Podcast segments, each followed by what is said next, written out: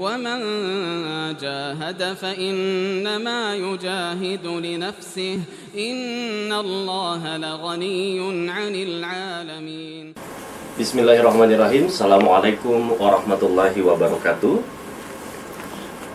Alhamdulillahirrabbilalamin Puji syukur kita panjatkan kehadirat Allah subhanahu wa ta'ala Salawat dan salam kepada junjungan kita Nabi Muhammad Sallallahu alaihi wasallam Pendengar kaum muslimin dan muslimat yang dirahmati oleh Allah subhanahu wa ta'ala Senang rasanya kami bisa hadir kembali di kebersamaan kita di sore hari ini hari Jumat tanggal 20 April 2018 dalam program Titian Ilahi sudah memasuki episode yang ke-807 dan insya Allah untuk tema bahasan kita untuk sore hari ini Fadilah Sya'ban dan bersama dengan narasumber Bapak Ustadz Zulkarnain Muhammad Sunusi. Insya Allah sebentar kita akan mendengarkan ceramah dari beliau Setelahnya Anda bisa bertanya secara langsung melalui telepon di 3621853 dan juga bertanya melalui SMS di 0811402 kali. Kita sebelum kita ke Pak Ustadz seperti biasa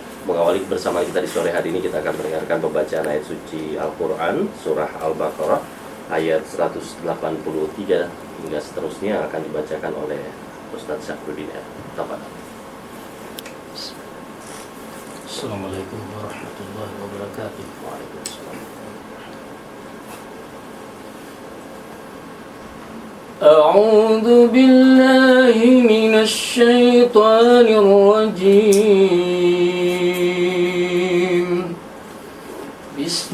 الله الرحمن الرحيم. يا أيها الذين آمنوا كتب عليكم الصيام كما كتب على الذين من قبلكم لعلكم تتقون.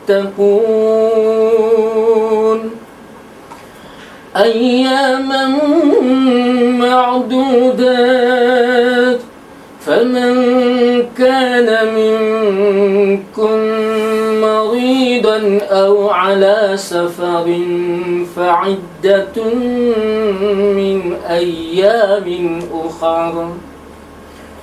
وعلى الذين يطيقونه فدية طعام مسكين.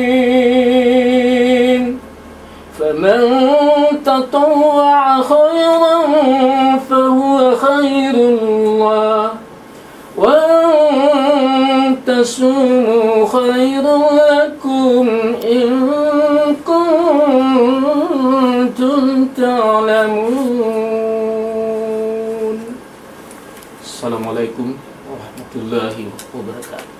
Waalaikumsalam warahmatullahi wabarakatuh. Jazakallah khairan kasira Ustaz Syafruddin R dan pendengar kaum muslimin dan muslimat Alhamdulillah baru saja kita mendengarkan pembacaan ayat suci Al-Quran surah Al-Baqarah ayat 183 dan seterusnya semoga yang membacakan dan kita yang mendengarkan mendapat pahala dari Allah Subhanahu wa taala. Pendengar seperti yang tadi kami sampaikan di bulan Sya'ban ini kita membahas judul mengenai fadilah Sya'ban. Apa saja kemudian uh, keutamaan dari bulan Sya'ban ini akan disampaikan ceramah oleh narasumber kita sore hari ini Ustaz Zulkarnain Muhammad Sunusi dan kita sapa beliau. Assalamualaikum warahmatullahi wabarakatuh Pak Ustaz. Waalaikumsalam warahmatullahi wabarakatuh. Terima kasih Pak Ustaz. Uh, syukran sudah hadir di langsung di studio Pro 1 RRI Makassar. Kabar tak sehat Pak Ustaz? Ya alhamdulillah barakallahu. Alhamdulillah bisa bertemu kembali tentunya di sore hari ini dan pendengar kaum muslimin dan muslimat insya Allah sebentar Anda bisa berkomunikasi langsung, tanya jawab langsung dengan Ustadz Zulkarnain Muhammad Sunusi. Namun sebelumnya kita akan mendengarkan ceramah dari beliau. Tafadhal Ustaz. Bismillahirrahmanirrahim. Alhamdulillahi wa kafa ibadihi alladhina istafa wa ala alihi wa sahbihi wa man iktafa amma ba'd. Kaum muslimin dan muslimat, para pendengar sekalian, di mana pun anda berada, Assalamualaikum warahmatullahi wabarakatuh.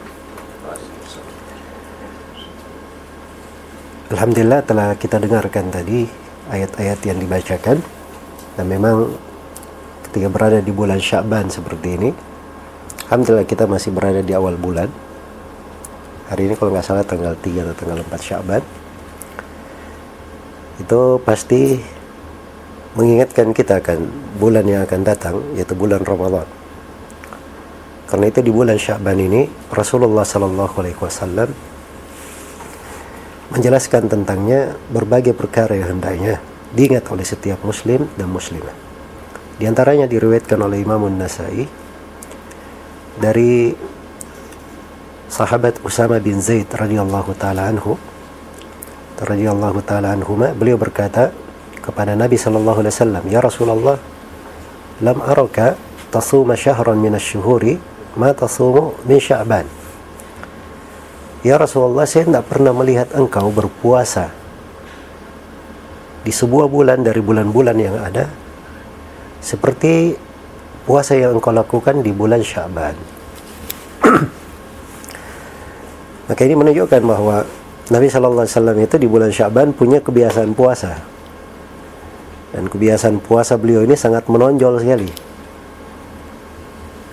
Ya, dan ini tentunya selain daripada Ramadan Nabi tidak pernah melakukannya. Karena itu Usama bin Zaid berkata ya Rasulullah saya tidak pernah lihat engkau berpuasa di sebuah bulan dari bulan-bulan yang ada seperti engkau berpuasa di bulan Syaban maka kata Nabi sallallahu alaihi wasallam dzalika syahrun yaghfulu anhu nas baina Rajabin wa, wa Ramadan kata beliau itu adalah bulan Syaban ini adalah bulan yang manusia itu lalai darinya dia adalah bulan antara Rajab dan Ramadan.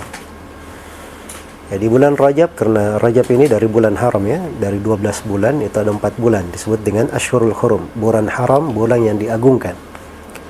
Saking diagungkannya bulan ini orang Arab di masa dahulu itu itu kadang di antara mereka ada peperangan dan sebagainya, tapi kalau sudah masuk 4 bulan ini mereka nggak berani untuk melakukan peperangan. Iya.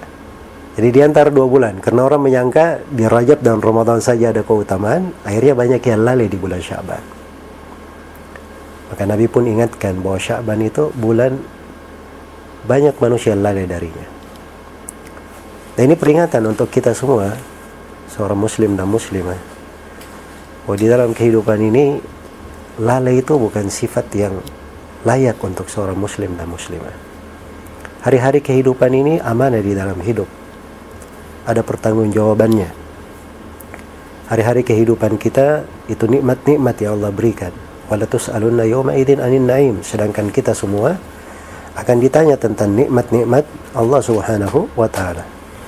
Karena itu hari-hari kehidupan ini jangan dilalaikan. Apalagi kalau itu melalui musim-musim ibadah, waktu-waktu yang berharga.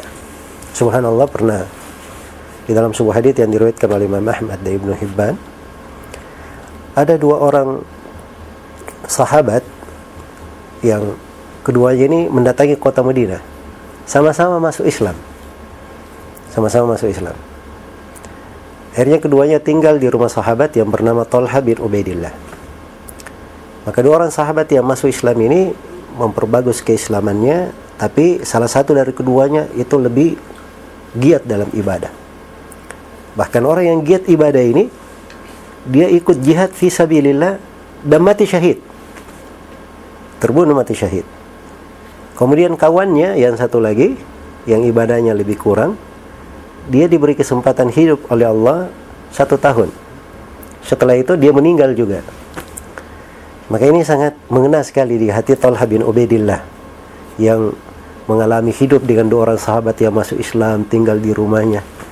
Maka suatu hari beliau bermimpi melihat dua orang ini. Ya, Talha bin Ubaidillah berjalan ke pintu sorga. Dia melihat dua orang ini ternyata yang terakhir meninggal yang ibadahnya lebih sedikit meninggal ini lebih dahulu masuk sorga daripada orang yang mati syahid tadi. Kemudian dikatakan kepada Talha bin Ubaidillah kamu pulang dulu. Belum waktunya sekarang kamu ke sini. Ya karena Talha bin Ubaidillah masih hidup. Maka setelah beliau bangun, beliau ceritakan kepada manusia. Ramai dibicarakan oleh orang-orang kisah ini. Kok bisa katanya yang terakhir ini masuk surga dahulu daripada yang pertama. Singkat cerita kisah itu sampai kepada Nabi Sallallahu Alaihi Wasallam ke telinga Nabi. Maka Nabi pun berkata, kalian kaget, heran dengan hal yang seperti itu. Iya, ini menunjukkan bahwa kisah yang mimpi Talha bin Ubaidillah itu dibenarkan oleh Nabi. Ada pembenaran dari Nabi. Yang dikata nggak ada pembenaran dari Nabi, kita tidak bisa bangun hukum syariat apa pun. Tapi ini Nabi membenarkannya. Maka Nabi berkata, kalian heran dengan dua orang ini. Kalian heran dengan orang yang terakhir meninggal dia dahulu masuk surga. Maka Nabi ber, kembali bertanya kepada para sahabat, bukankah dia hidup satu tahun setelahnya? Bukankah dia mendapati puasa Ramadan? Bukankah dia di dalam satu tahun itu melakukan sekian dan sekian ribu sujud untuk Allah? Maka kesempatan hidup satu tahun ini kata Nabi ini membuat antara keduanya seperti antara langit dan bumi. Nah, karena itulah hari-hari kehidupan seorang muslim itu harusnya dihargai, disyukuri. Apalagi kita memasuki bulan Sya'ban ini. Nah, ini bulan jangan kita lalai di dalamnya. Kata Nabi sallallahu alaihi wasallam, "Wa huwa syahrun turfa'u fihi al-a'malu ila rabbil alamin." Bulan Sya'ban ini adalah bulan yang amalan-amalan itu diangkat kepada Allah Rabbul Alamin. Nah, ini keistimewaan bulan Sya'ban dan fadilahnya. Jadi amalan itu diangkat di dalam hadis-hadis disebutkan tiga tiga bentuk pengangkatan. Yang pertama ada amalan yang diangkat harian. Ini di pagi dan sore setelah sholat asar dan sholat uh, subuh sebagaimana di dalam hadits riwayat Bukhari dan Muslim. Ada pengangkatan amalan pekanan. Ini di hari Kamis. Karena itu kita disyariatkan puasa Senin Kamis. Ada amalan diangkat tahunan. Ini di bulan Syaban ini di bulan Syaban karena itu kata Nabi di kelanjutan hadits fa uhibbu ayyur fa amali wa ana saim maka saya pun cinta amalan-amalanku itu diangkat dalam keadaan saya berpuasa. Subhanallah. Nabi Muhammad yang sudah dijamin masuk surga, yang diampuni dosa-dosanya apa yang telah lalu dan apa yang akan datang. Tapi bersamaan dengan itu, sedemikian perhatian beliau untuk menjaga kualitas amalannya dan memelihara tempat-tempat bagaimana amalan itu diangkat kepada Allah dalam keadaan beliau berpuasa supaya beliau diridhai dan dicintai oleh Allah Subhanahu wa taala.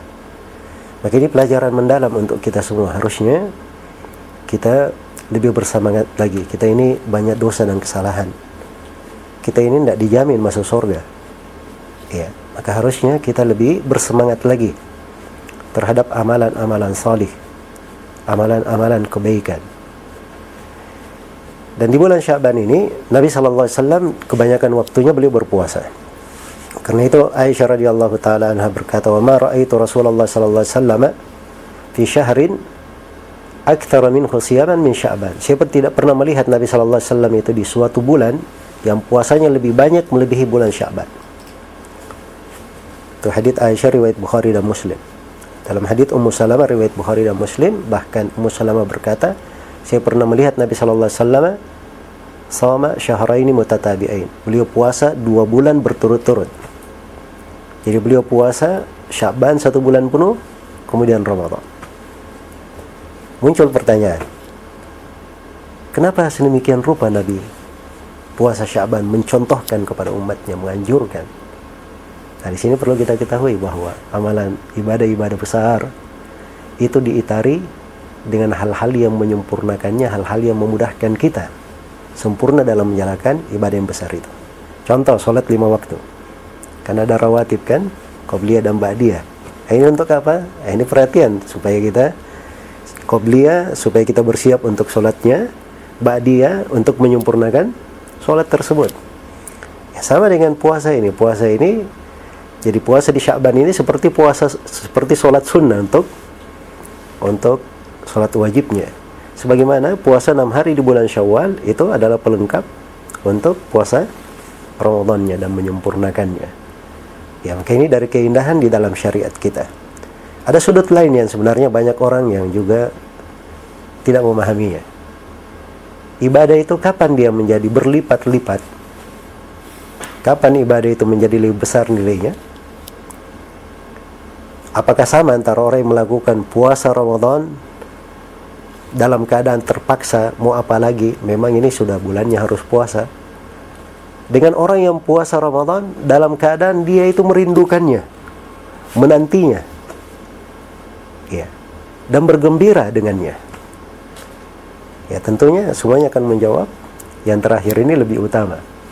Orang yang berpuasa Ramadan dengan penuh kecintaan, kerinduan, itu akan lebih utama. Inilah bulan Syaban kita melatih. Kita berpuasa di bulan Syaban, begitu masuk Ramadan, subhanallah. Akan ringan puasa di bulan Ramadan itu. Terasa betapa nikmatnya puasa di bulan Ramadan. Seorang sudah terdidik dengan keindahan puasa di Syaban, begitu masuk di bulan Ramadan, maka dia akan mampu untuk memanfaatkan Ramadan dengan semaksimal mungkin. Maka ini mungkin beberapa sudut pembahasan terkait dengan keutamaan di bulan Syaban. Semoga Allah Subhanahu wa taala memberikan umur yang panjang kepada kita semua, memberkahi kita semua di dalam kehidupan.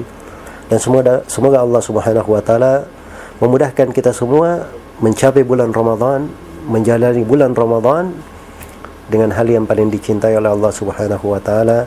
Dan semoga Allah Subhanahu wa taala menganugerahkan kepada kita semua kelak di kemudian hari pembebasan dari api neraka. Dan masuk di dalam surganya yang penuh dengan kemuliaan. Innahu waliyudzalika wal qadiru alaihi wallahu taala alam